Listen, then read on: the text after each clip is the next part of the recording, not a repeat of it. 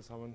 Eh, jeg fikk høre at, at Thomas, at det var sånn uh, Lærere, sosionomer Stemmer det?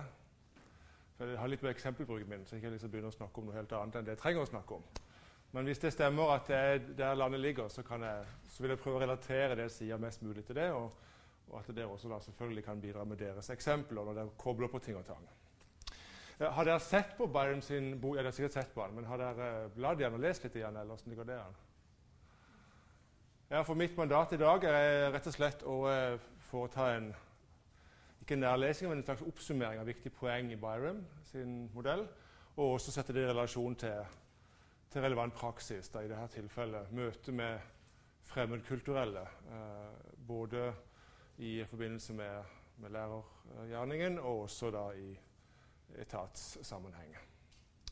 Og Da forstår jeg at da er det det vi skal Det er det det, det, det, det dere også forventer, ikke sant? sånn cirka.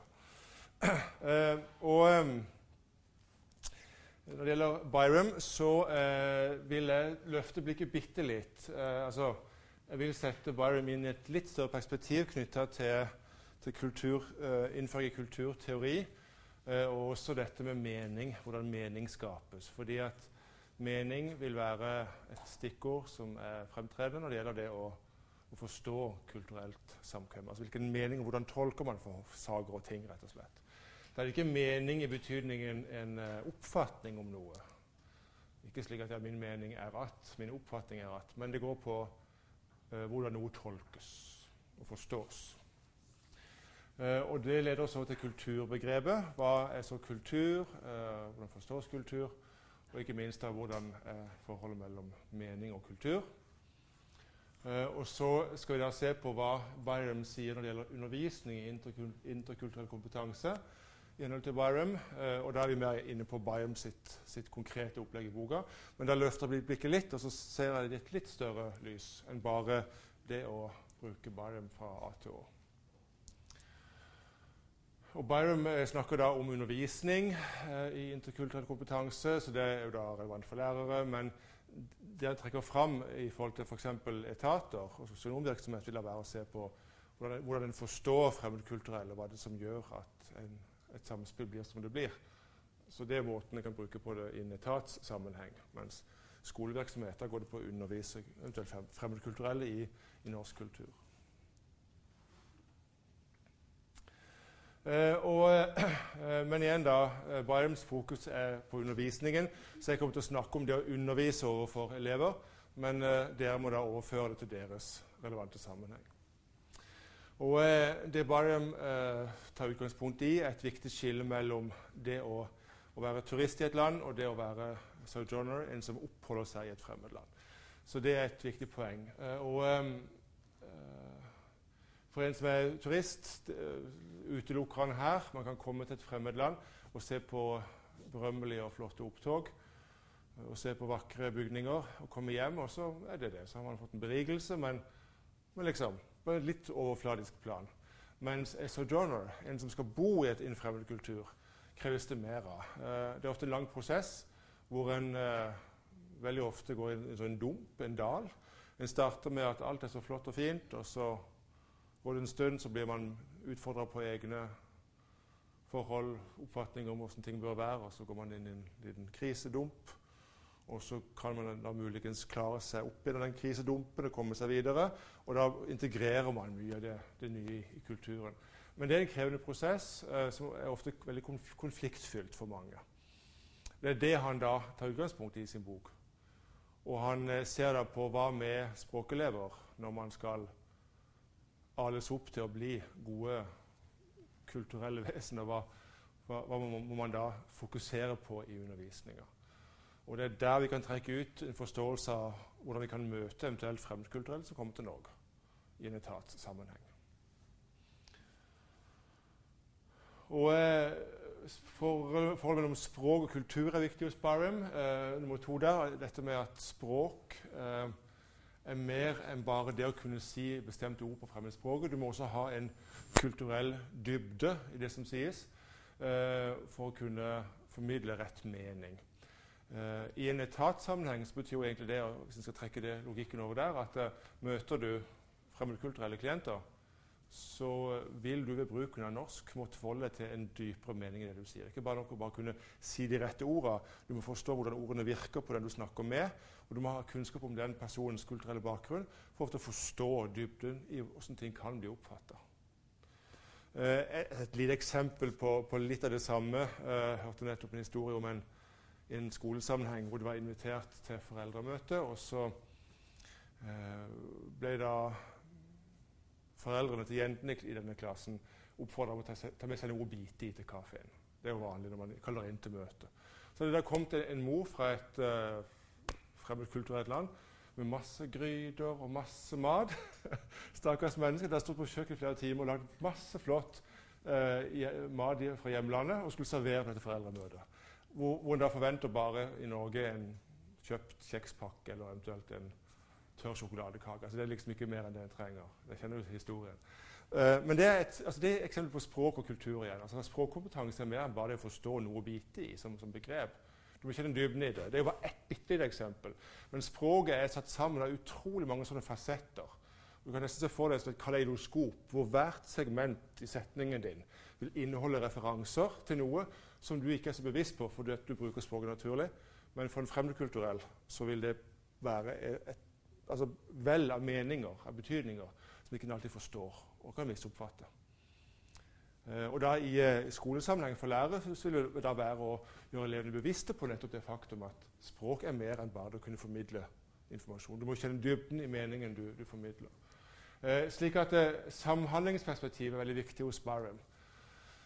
Språk og kultur henger sammen for å kunne samhandle godt. Ikke bare for å informere hverandre om saker og ting. Eh, og uh, Derfor så har han veldig fokus på liksom, pragmatisk kompetanse. Man bruker ikke det så veldig klart sjøl som begrep, men det skriver opp her likevel. Pragmatikk i denne betydningen betyr at man ser på hvordan sammenhengen rundt en talehandling påvirker språket. altså um, F.eks. da pragmatisk kompetanse i forbindelse med noe bitig og, og, fulle gryter med masse deilig mat fra hjemlandet, vil det være at uh, personen ikke, er, ikke, har kontekstuell kunnskap nok, altså sammenhengsmessig kunnskap nok, om hva det vil si å gå på et norsk foreldremøte, hva du forventer. Og så oppfatter man da noe i som noe helt annet enn det konteksten, sammenhengen, egentlig sier med språket. Altså Noe i påvirkes da av hele sammenhengen rundt og gir mening til det, den språklige ytringen. Eh, med andre ord, Det å ha pragmatisk kompetanse det betyr at du har kompetanse i å forstå hvordan sammenhengen rundt en talehandling, et, et språklig uttrykk, hvordan den sammenheng, sammenhengen faktisk slår ut i den konkrete betydningen. Uh, slik at, uh, og Der må du ha språklig og kulturell bevissthet sammen. For da, da får du språket uh, ut ifra den kulturen som gjelder rundt en gitt språkhandling. Det er pragmatisk kompetanse. Går jeg for fort? Er det greit? Henger alle med? Det er bra. Eh, så da mening. Hva, hva, er nå mening i denne forstand? Eh, så I første rekke så er det mye snakk om semantikk, altså betydningslære. Ords betydning. Eh, betydningslære går bl.a. på det samme med noe å bite i, og som skal tolke det. Er det masse gryter fulle av ris og masse deilig saus, eller er det bare noen tørre kjeks fra Prix? Satt på spissen. Men det, det, begge meningene kan jo tilsvare noe å bite i. Altså, for eksempel. det er semantikk. Eller hvis jeg sier, at, uh, hvis jeg sier uh, bokstavkombinasjonen TRE, tre, så regner jeg med at de aller fleste tenker på to ting. Enten det treet ute i hagen eller tallet tre.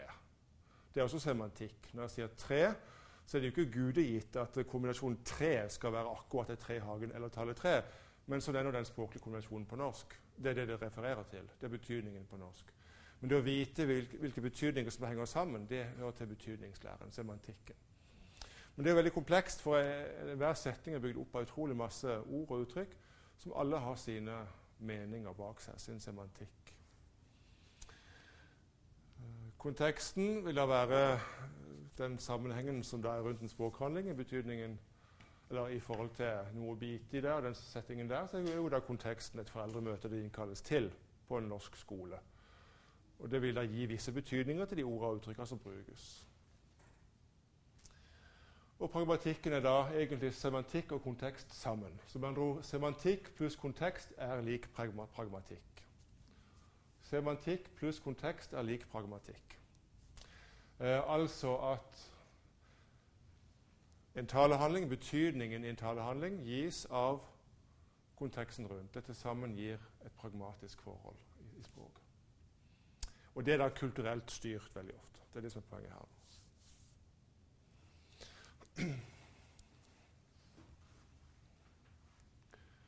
Og, eh, så Det gir da mening til, til, språket. Og når du skal jobbe med språkundervisning, så betyr det at du må ta hensyn til kulturen som noe som skaper mening rundt ord og uttrykk i din språkundervisning. Jobber du som norsklærer, så må du huske på at språket er ikke bare norsken, men det er også alle disse kodene som ligger i språkets uttrykksmåter.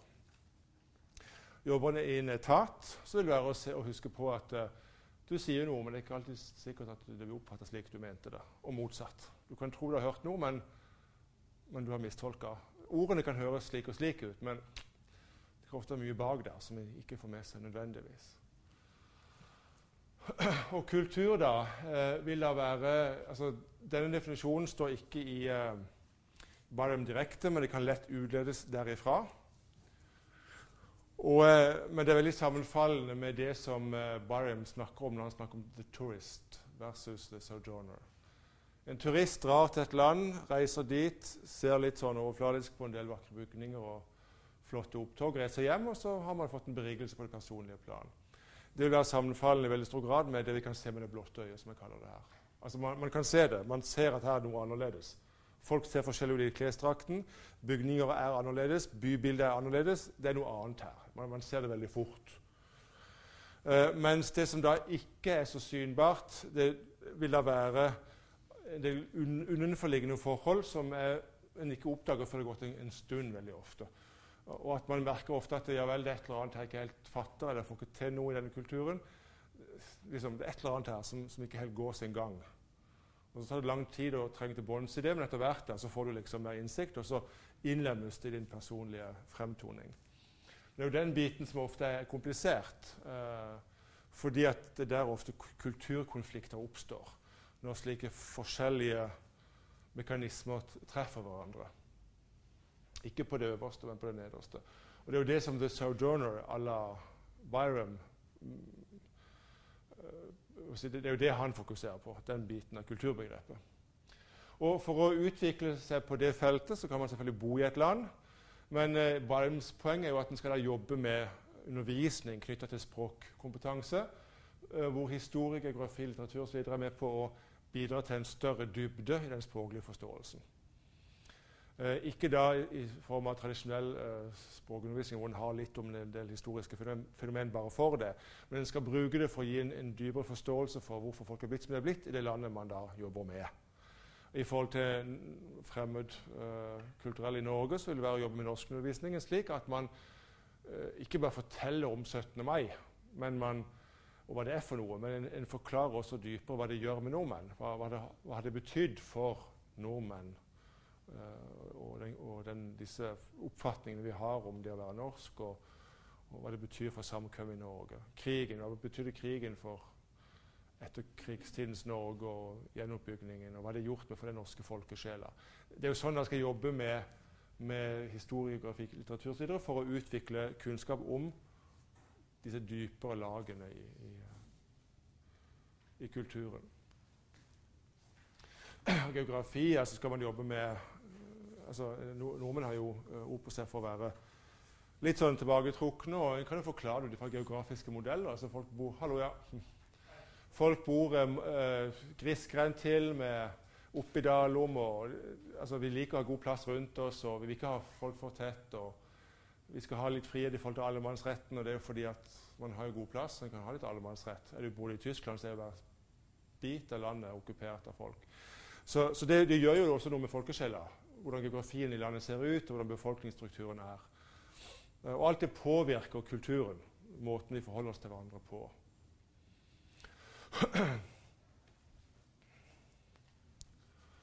Eh, så det er da den dypere delen av kulturbegrepet. Med andre ord, eh, kultur i den forstand vil da være fellesfølelser, felles følelser, holdninger, ikke sant? tilslutning meg til hverandre. Eh, sosiale koder er jo i Norge betinga i stor grad at ikke vi er så klassedelte. I, i, i Norge er jo de fleste nokså like seg, nokså nok likt sosioøkonomisk sånn i en store sammenheng. Det er ikke voldsomme forskjeller mellom fattig og rik, f.eks. Det påvirker hele vår holdning til, til likhet og enhetsskolen og det meste. Og dette er jo ting som man er punkt nummer én i skolesammenheng overfor elever hvis man underviser de, eller hvis man underviser fremmedkulturelle som skal lære seg norsk, eller hvis man jobber i en etatssammenheng, så må du huske på at uh, det er holdninger du bærer med deg uansett. Men det er ikke sikkert at de andre nødvendigvis forstår verden på samme måte som det du gjør. da. De kan ha veldig respekt og veldig sånn, se på det f.eks. i, i etatssammenheng som noe øh, nærmest en, en, autoritet, for de er vant til å forholde seg slik til myndigheter. Fordi at de kommer fra et land hvor det er større forskjeller mellom fattig og rik, og hvor myndigheter har mye mer makt osv. Alt det vil da styre uh, samkvem. Jobber du med elever som skal lære seg et fremmedspråk, så må du trekke det inn og lære dem om hvordan det er i det landet de jobber med og, eh, og, også kunne formidle slikt til, til fremmede som tar og lærer seg norsk. Med andre ord, Kulturen i forhold til dette begrepet vil da være alt det som styrer samhandling mellom mennesker. Sånn som her inne også, så har vi allerede en god del koder som ligger under, som gjør at vi fungerer sammen. Det er kultur. F.eks. så vet jo jeg at, uh, at um, jeg kan kle meg på en viss måte og ha et stort repertoar der, men går jeg ut og utover det, så vil, vil det skape litt kludder her. Uh, for eksempel, hvis jeg hadde kommet inn i en bunad i dag Det er merkelig. Så hadde dere muligens, Hvis jeg ikke hadde sagt noe om det, så hadde dere reagert. De hadde kanskje spurt meg, kanskje reagert etterpå, men hadde garantert lurt på hvorfor jeg gikk med bunad. Eh, og uh, det hadde vært sånn at hvis jeg hadde sagt at ja, jeg skal, på, jeg skal i en konfirmasjon eller et bryllup rett etterpå, så kunne dere muligens akseptert det. Men hadde muligens fundert på hvorfor ikke jeg bare kunne skifte ut forbi etterpå. på veien. Altså, Det hadde krevd en god del av meg å forklare, og dere hadde ikke godtatt det nødvendigvis hvis jeg stått i min flotte setestandsbunad. Så jeg treffer meg på 17. mai, derimot, så er det ikke noe problem. Men kommer jeg, på, kommer jeg dagen før, på 16. mai eller på 18. mai, i bunad på gata, så vil folk automatisk tenke kan jeg på etter konfirmasjon, bryllup eller han er hakkende gal. Eller han har noe, et eller annet som gjør at han går med bunad akkurat i dag. Men dagen før på 17. mai det er det motsatte som gjelder. Går du da uvørende kledd, så reagerer folk der Og så tenker jeg det er en utlending. Eller det er en eller annen som er en løs fugl her som ikke helt har forstått hva vi skal gjøre for noe på, på, på 17. mai. Altså, Kultur bestemmer vår oppfatning hele tiden. Vi går rundt i en sånn verden av kultur hvor alt det vi ser rundt oss, vi, vi prøver liksom å få det til å passe inn i forhold til slike oppfatninger. Men klart, Kommer dere da fra en annen kultur til Norge og ser alle disse rare tingene, så, så, så, må man liksom kjempe med å forstå hva det er som skjer, og hvorfor osv. Og, jeg regner med at ingen har reagert med mitt antrekk i dag. Uh, hvis, ikke, så, hvis, jeg, hvis, jeg, har det, så har jeg bomma totalt. Men, men altså, jeg regner med at dette er en akseptabel fremtoning for uh, en forelesningssal. For, altså, igjen, Det er bare et eksempel, men det er utrolig mange sånne små ting som ligger under, som hele tiden styrer samhandlingen i en gruppe mennesker. Dette var bare et eksempel på akkurat her i denne forsamlingen. Men trekk det over til et større plan. da. Uh, I et samfunn generelt så er det utrolig mange sånne fine fine masker av koder som, som, hele tiden styrer denne samhandlingen. Og det er kultur i dette begrepets mening. da. Det er jo det som da Biden går inn i og ser på hva gjør vi så for å formidle kunnskap om alle disse kodene i en språksammenheng. Hvordan kobles det sammen med språk i undervisningen? For at elevene skal få mer enn bare språkkunnskapen på plass. Ja?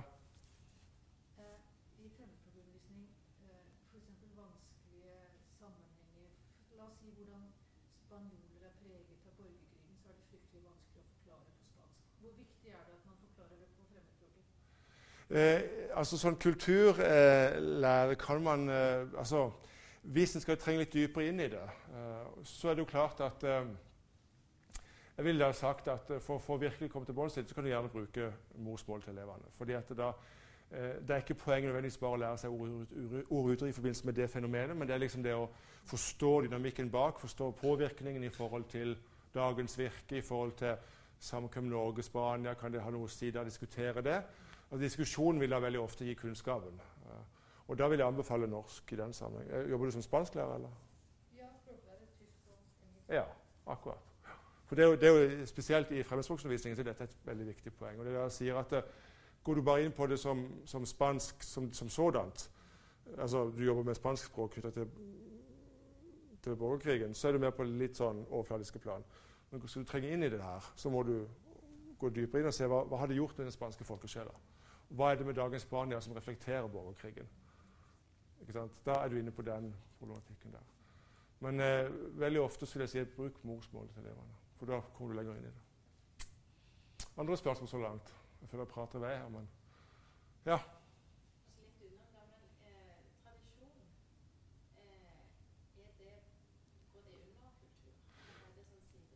Tradisjon vil da være å definere som felles holdninger, sosiale koder osv. Ja, men det, det ville være den der blott uh, skjulte delen av kulturbegrepet. Det ville være. Absolutt. Ja. Men som sagt uh, og, altså det der, Byrons kjerne her da, å vise hvor, hva vi skal gripe fatt i i undervisningen, f.eks. i fremmedspråkundervisningen, og for elever som tar det fremmedspråket. Uh, men det kan overføres da til fremmedkulturelle som tar og lærer seg norsk. hvor mange av dere er norsklærere for fremmedkulturelle? Ja, Du underviser norsk for fremmedkulturelle? På fritid, ja. Da, og resten er da sosionomer? Er sånn jeg forstår? Å oh, ja, ok, flott. Ja. Greit. Men bare, jeg prøver i hvert fall å spre eksempelbruken minst så godt jeg kan. Men jeg får bare prøve å trekke av for kjente og applisere det der jeg trenger det. Um, hvor var vi nå hen? Um, jo, altså, ja, dette kultur dette er det, er det som Barim fokuserer på. Og han sier hva skal vi så fokusere på når vi skal undervise? Eller også hva må vi være bevisste på kan vi overføre det til når vi sitter og jobber i en etat. Hva må vi tenke på, hva må vi ha bak øret i møte med fremmedkulturelle? Hva er det som kan påvirke vårt, vårt samkvem, som gjør at det kan bli konflikter, misforståelser, misoppfatninger, som vi kan være i forkant av for å unngå at ting baller på seg? Og det skal jeg gå litt mer inn i nå da, og se på hva er det som sier om dette. For han, eh, han eh, har veldig fokus på dette med samhandlingen. At du har et individ X og et individ Y som treffes og har en samhandling. Uh, og X og Y er da fra forskjellige kulturer når de treffes. Så Bible har hatt veldig fokus på individnivå, på den enkelte person. Og så er hele da tesen bak det igjen at X og Y har med seg en ballast inn i den samhandlingen som består av nærmest det som måtte være til, av historie, geografi osv. i det landet. Men har det med seg inn i samhandlingen, og idet de da møtes, så, så, begynner ting å skje. Og Der kan det oppstå gnisninger og problemer. Men vi må da trekke fra individuelle forskjeller, for det fins jo også. Altså, vi jobber da med stereotypier i så måte at uh, man forventer at X og Y vil te seg på, et, på, en bestemt måte når man kommer fra en viss kultur. Uh, men det er også en stereotypi som kan være farlig, for da tror at alle er sånn. ikke sant? Det er en kjent problematikk. Men det er jo derfor for å forstå og lage en modell her som, som er utgangspunktet. Så, så når X og Y treffes, ja vel, så har de med seg inn en ballast, og da begynner ting å skje. Med andre ord, Samhandlingen mellom de to er viktig. Det er ikke så viktig nødvendigvis hvem X og Y er i seg sjøl, men det er hva som skjer i samhandlingen. For det krever noe av begge parter. Og Det skal da eh, språkelever læres opp til, både i fremmedspråkundervisningen og eventuelt fremmedkulturelle som skal lære seg norsk. Men i en etatssammenheng, i møte med fremmedkulturelle, så betyr det at du som nordmann vil automatisk være i et møte som krever noe av det også. Du har et ansvar for å føre samhandlingen fremover. Og lære av den for å bli bedre neste gang og neste gang og neste gang. og neste gang. Eh, sånn at eh, Dette individnivået er veldig viktig hos Byram. Så ha fokus på det når du leser Byram. Det går på hva gjør vi med individet her. Hva gjør vi for å lære individet opp i det å takle slik samhandling? Det blir som Askeladden i eventyret. altså Du liksom går ut fra grua og, har, eh, og starter med noe. Eh, og tester deg ut i forhold til ting du møter underveis. Så blir du bedre og bedre og bedre til å takle disse nye møtene etter hvert som da din ferd skrider fram. Og eh, det han da sier helt konkret, er at språkelever som da skal tilegne seg interkulturell kompetanse, må lære hvilke regler som gjelder for denne samhandlingen. Og eh, en må forstå da egentlig hva det vil si å se ting fra et, et annet menneskes, menneskes, ståsted i forhold til empati. Det betyr ikke at en skal nødvendigvis uh, godta alt. Uh, da har vi jo diskusjon om f.eks. Hva, hva med tvangsgifte. da? Skal man da liksom se alt fra det andre ståstedet og se alt greit, eller har man visse universelle verdier som gjør at man uansett ikke kan godta noe i en annen kultur? Uh, men det er også en kritisk evne kan trenes opp til. da, At man kan se det fra et annet ståsted, men trenger ikke nødvendigvis godta det. Men man må kunne vurdere det i hvert fall. Og, for, og elever må kunne forstå uh, at noen er andre enn en sjøl. Det er et veldig, et veldig stort problem ofte at en ser ting kun med egne øyne og en glemmer at det, den andre på en måte er annerledes. En, det er ikke noe riktigere eller noe galere enn en sjøl veldig ofte. Det er bare at det er annerledes. Så elever må da forstå det i undervisningen. De må jobbe med at de skal få innsikt i hva det vil si å være den andre. Uh, og uh, ja, Så det er da poeng som en må fremheve ifølge Byram når det gjelder uh, språkundervisningen. Og så vil Barium da, i forhold til språkundervisning da, si at eller I tradisjonell språkundervisning så vil en se på, på den morsmålstalen som den som har makta. Altså den morsmålstalen, engelsk, spansk, tysk, fransk, vil være den som eh, er en, et mål man skal tilstrebe. Jobber du som norsklærer, så vil det være å se på det at du som norsklærer eh, Hvis du er norskfødt, da, så vil du ha, et, altså du vil ha autoriteten. Den andre skal bli som deg. Du skal lære deg mest mulig korrekt norsk. Uh, mens uh, Barium heller vil si at uh, det ikke er den morsmålstalen som er hovedanliggende, men det er selve samhandlingen. Begge parter skal være i stand til å gjennomføre en god samhandling. Og det er hele målet med undervisningen i forhold til språkundervisningen. Skal, man skal lære seg opp til å bli en god samhandler. En god aktør i et samspill. Og, og da er det slik at jobber man ut fra dette perspektivet, så er det ikke så farlig om ikke elevene lærer seg korrekt språk helt holdent. Det viktigste er at de får et språk som de kan bruke for å mestre en samhandling. Men det er altså det kulturelle viktig oppi det hele. Det er liksom hans målestokk. da. Vi kan diskutere om det er riktig, men det er i hvert fall det han sier. Uh, og For å kunne klare det så må man uh, ha bevissthet rundt det ståstedet man har kulturelt sett. Og Det betyr at eh, jobber man eh, som norsklærer, så må man vite veldig godt hva det er med den norske kulturen som gjør at man er som man er, og ikke minst hvordan det påvirker andre som har med det å gjøre. Og så må eh, eventuelt hvilke holdninger de har til det, bare sånn per def. Jobber du som fremmedspråklærer i den norske skolen, må du da kunne um, jobbe med elevenes bevissthet rundt egen norskhet. Hva vil, hva vil det si å være norsk? Og Jf. ditt spørsmål i sted vil jeg si at gjør det på norsk. Altså det, det, det, er den utforskningen som er viktig, og da bør, bør det gjøres på, på morsmålet. Og Hvis en jobber i en etat, for eksempel, så er jo poenget at du må vite da, og, hvordan eh, det norske papirveldet og, og, norsk byråkrati og du som representant for det påvirker samhandlingen osv. osv. Og og I språkundervisningsmessig forstand så er det en god idé da å jobbe med med sånn tydelige jeg-du-øvelser i, språk, i, språkundervisningen. Uh, hvor elevene sitter sammen og Dette er mitt lille tillegg, da, men det er en, for meg en logisk konsekvens av Byrems modell. At uh, Hvis du jobber som språklærer, uh, la elevene jobbe to og to med sånn grammatiske øvelser i, i værbøyninger. Um, når de, de, spør hverandre om jeg, altså, hvem jeg heter, jeg er fra, hvem er du, hvor er du, du fra, hvor bor du hen? Altså, så Tydelige jeg-du-øvelser vil fremme om ikke annet hos elevene en innsikt i å forstå at noen er annerledes. Og ikke minst du får en kompetanse i å innhente, innhente, informasjon om den andre. Så det, det, er et lite tips hvis jeg jobber med språkundervisning. Altså hvis jeg jobber med jeg-du-øvelser, så det er en liten måte å bidra til en sånn kulturell innsikt på. For du får en bevissthet rundt nettopp det at jeg er jeg, du er du, og så gjensidig informasjonsutveksling på språket. Det, det, er konsekvens mener jeg, av Byrams modell, at det vil kunne nedfelles slik i språkundervisningen. Og som jeg sier, Kobler du det sammen med, med grammatikkbøyninger, så har du jo slått flere fluer i samme smekk. Eh, kommentarer og spørsmål så langt? Henger dere med, tror dere? Ja.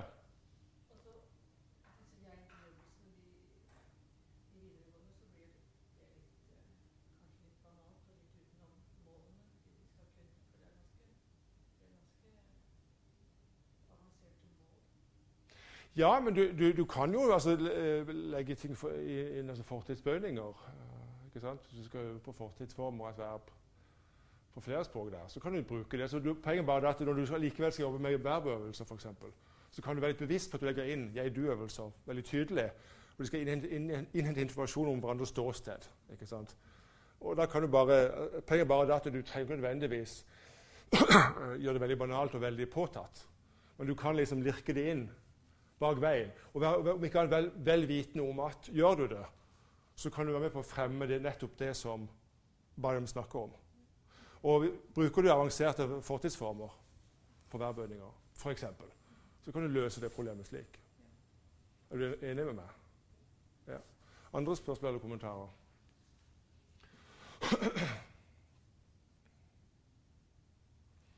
Da durer vi videre. Og så er det en forskjell her som Byram også påpeker.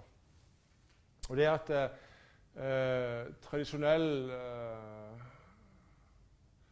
språktilegnelse forløper jo slik du har L1, eller S1, Language 1, språk 1. Jeg brukte de engelske betegnelsene her. L for language, men sett S for språk.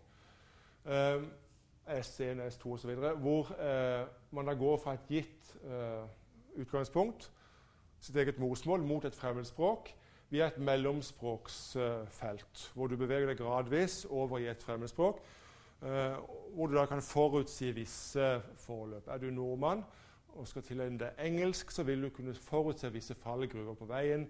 Problemer med grammatikken, som ofte går igjen, uttalemessige forhold som norskelever har vansker med, osv. Det kan du ofte forutse, for du vet hvordan norskelever vil tilegne seg engelsk. Og dette Tasta-engelskbegrepet i Stavanger det er jo sånn mellomspråk. egentlig. Men det er sånn halvveis på, på vei mot engelske menn. Eh, og det er jo der ofte noen stopper opp, ikke sant? og så blir man fossilisert. Man klarer ikke å komme videre, man blir gebrokken for evig og alltid. Ikke sant? Det er da mellomspråket. Og, og en eh, vurdering i språkfag vil også være slik at du, vurderer da, ikke sant? hvordan elevene har nådd visse mål, værbøyninger, fortid osv. Og, så videre, og, og så kan du da hele tiden underveis da vurdere måloppnåelsen fram mot et nesten perfekt mål. Det er da slik vi opererer med, med språktilegnelse. Uh, men så, så, så, så, sier da Byron Hva med kultur, da? For, forløper kulturtilegnelsen på samme vis? Uh, med andre ord, Kan vi operere med sånne interlanguage, mellomspråklignende forhold? Altså Fins det felt i kulturtilegnelsen som er som med språket? Altså at det går i sånn en gradvis modell og trinnvis fremover mot en perfekt tilegnelse av den andre kulturen. Og Det stiller da Byram spørsmålstegn ved. Uh, ikke sant? Hva, er det slik? Uh, og uh, altså, Går du fra norsk kultur, culture one osv. til den fremmede kulturen i modell? Eller gjør du ikke det? Hvis ikke du gjør det, så kan du ikke heller vurdere kulturtilegnelsen ut ifra tradisjonell språktilegnelse. Du kan ikke da tenke at det, ja, hvor langt har eleven kommet nå i sin tilegnelse, og så sette karakter etter det. For det Bayam da sier, han sier det at uh, ja, han, han, sier egentlig at uh, vi gjør ikke det. I forhold til kulturtilegnelse så det er slik at du kommer til et punkt hvor du er i stand til å gjennomføre en samhandling, sier han. Og det punktet er liksom nok. Altså, En elev skal komme til et punkt hvor vedkommende er i stand til å gjennomføre en samhandling XY med en person da fra den andre kultursfæren. Enten er du der, eller så er du der ikke. Ikke noen gradvis tilegnelse, sier han, sånn som med språk. Da har du litt og litt og litt. og litt, ikke sant?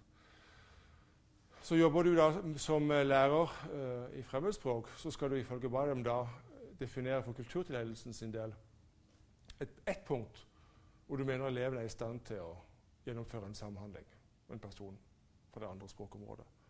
Og that's it. Kommer du dit, så har du gjort en jobb.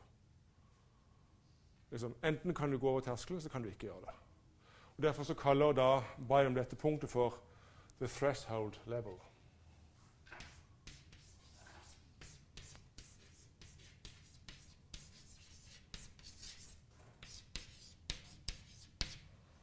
Dørterskelnivå. um, et dørterskelnivå, the threshold level. Altså Du går gjennom en dør, Og Enten er du i stand til å gå over dørterskelen, eller så er du ikke det. Ikke? Som med Askeladden. Enten kan du gå ut i verden, og så kan du ikke det. Um, men så er det poenget til uh, Byram at det, dette dørterskelnivået, threshold level, vil være relativt. Altså Det er ikke en gitt størrelse. Fordi at du må se på elevene dine og, og forutse hvor de skal reise hen, hvem de skal jobbe med. Er det norske ungdommer som skal ha med utenlandske områder eller utlendinger å gjøre, så vil det være kanskje naturlig å tenke ungdomskultur. Hva må til for at en norsk ungdom skal kunne klare å samhandle med en person fra Tyskland?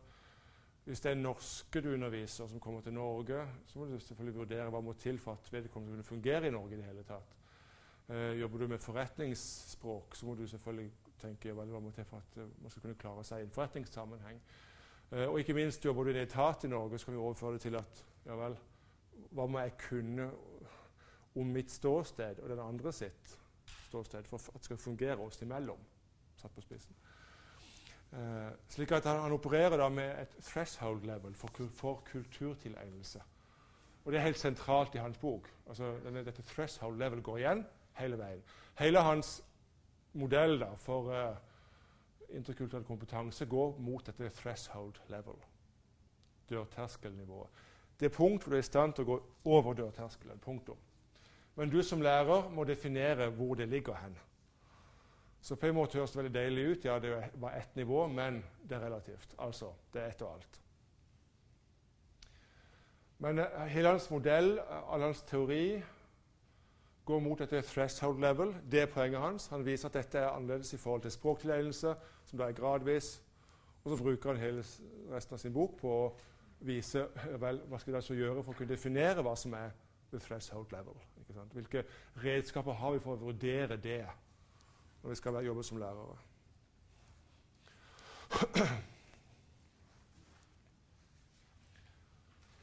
Sånn at eh, Han tar utgangspunkt i sitt threshold level, dørterskelnivået. Og så har han da en del retningslinjer for både for undervisning og vurdering av denne kompetansen. For, for som han da sier, Hvis vi eh, opererer med en kulturtilegnelse som ikke er som språktilegnelsen altså, Vi kan ikke snakke om en trinnvis utvikling. Det er enten-eller.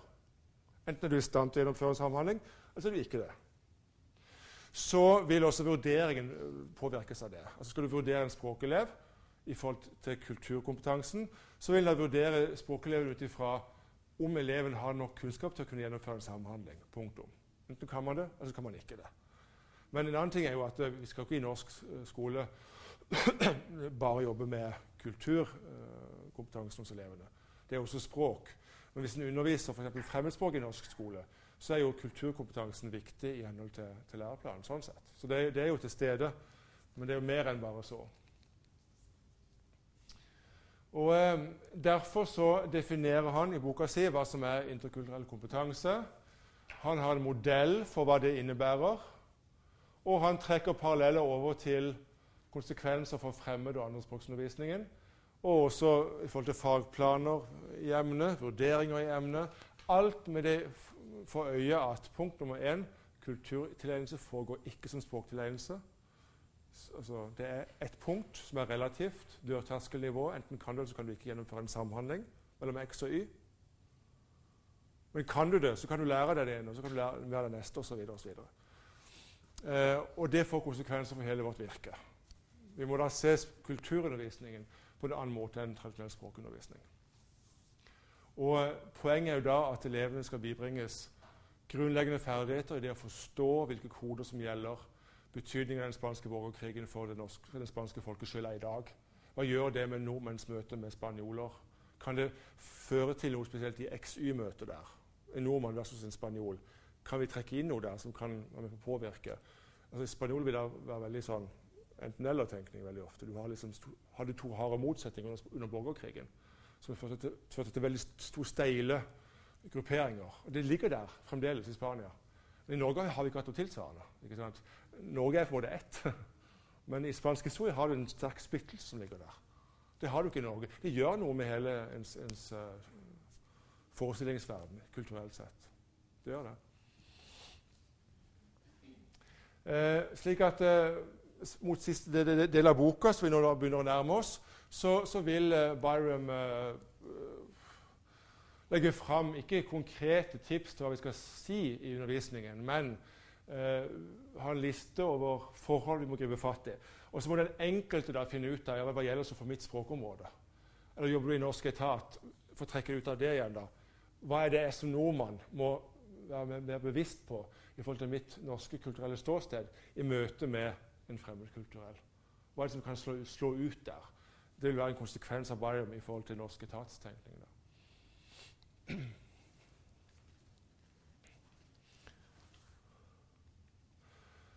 Sånn at uh, uh, Byram vil da uh, altså han, Dette er da ifølge Barium et viktig punkt for språkopplæringen. Elevene skal få lingvistisk kompetanse, de skal kunne klare å mestre språklige strukturer. De skal ha sosiolingvistisk kompetanse, de skal vite hvordan høflighetsregler slår ut i språket, hvordan man snakker til gitte personer gitte sammenhenger osv. Man skal kunne også ha diskurskompetanse, forstå hvordan man formulerer seg i gitte sammenhenger. Man skal ha strategisk kompetanse, man skal vite hvordan man skal kunne klare å bruke språket i forhold til kommunikasjonsstrategier. Uh, når man ikke kan kanskje uttrykke seg, hva skal man gjøre for likevel å få uttrykt det man vil? Uh, en må ha sosiokulturell kompetanse. Man må vite om kulturen og kulturens påvirkning på språket. Og det er der egentlig at hans modell passer inn. Uh, og delvis også i nummer seks det å kunne ha sosial kompetanse i det å te seg i det fremmede landet. Noe som veldig ofte står i tett sammenheng med den sosiolingvistiske kompetansen. Men Byams modell han legger opp denne lista her for språkopplæringen. Og så posisjonerer han seg da rundt punkt nummer fem, som er der hvor kulturen kommer inn i språkundervisningen. Det er da det han mener er språkopplæringen i et nøtteskall. Så sier han ok, rundt punkt nummer fem så kommer den kulturelle kompetansen inn. Det er der vi skal jobbe med the threshold level. Samtidig som vi så på i begynnelsen i dag, at kultur og språk henger også sammen. Så det er også gjennomsyrende oppover og nedover til en viss grad. Men spesielt i forhold til punkt nummer fem, at uh, Byram har sin modell som han utvikler. Og Da har vi kommet fram til pausen, og så skal vi fortsette etterpå og gå videre inn i, i, i siste del av boka. da. Er det kommentarspørsmål så langt? Henger vi med? Det prater for fort, så må dere gi beskjed. Så skal vi prate saktere. Men det går greit? Ja. Men går det på samhandling? Går det på kommunikasjon? Eller skal dette bare gjøre ting sammen?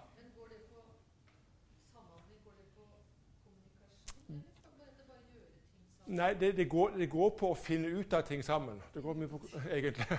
Altså Kunne klare oss å, å spørre og få komme til bunns i ting. Derfor sier jeg uh, jeg-du-øvelser er viktig hvis du skal jobbe med norske språkelever. For da får du treninger og stille spørsmål som kan nøste opp i ting. ikke sant?